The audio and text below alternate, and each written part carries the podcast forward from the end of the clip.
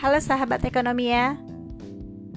Kali ini saya akan bahas konsep dasar ilmu ekonomi yaitu ekonomi mikro dan ekonomi makro. Apa sih ilmu ekonomi itu?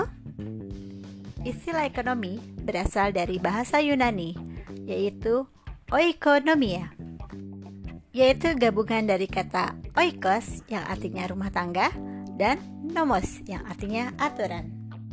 Jadi, Oikonomia mengandung arti aturan yang berlaku untuk memenuhi kebutuhan hidup dalam suatu rumah tangga. Kalau menurut istilahnya itu sendiri, ilmu ekonomi yaitu ilmu yang mempelajari berbagai tindakan manusia dalam memenuhi kebutuhan hidup yang tidak terbatas dengan alat pemuas kebutuhan yang terbatas. Lalu, apa pendapat dari Adam Smith mengenai ilmu ekonomi?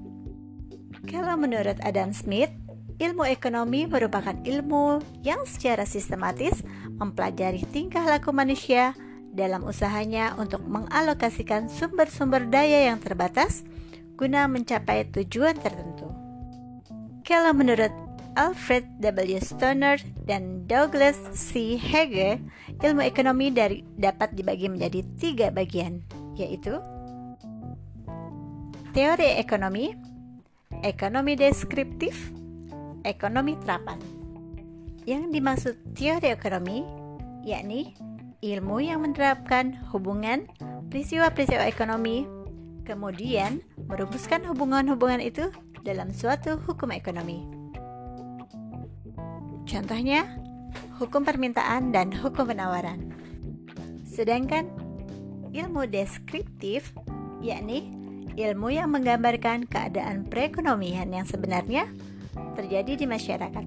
Hasilnya berupa fakta-fakta atau data empiris. Dan ekonomi terapan yaitu ilmu ekonomi yang mengkaji tentang kebijakan-kebijakan yang perlu dilaksanakan dalam mengatasi masalah-masalah ekonomi. Contohnya, ekonomi moneter, ekonomi kooperasi, atau ekonomi perusahaan.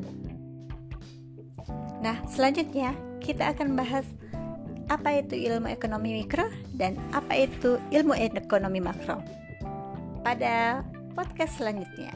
Oke, terima kasih. See you and next my podcast. Assalamualaikum warahmatullahi wabarakatuh.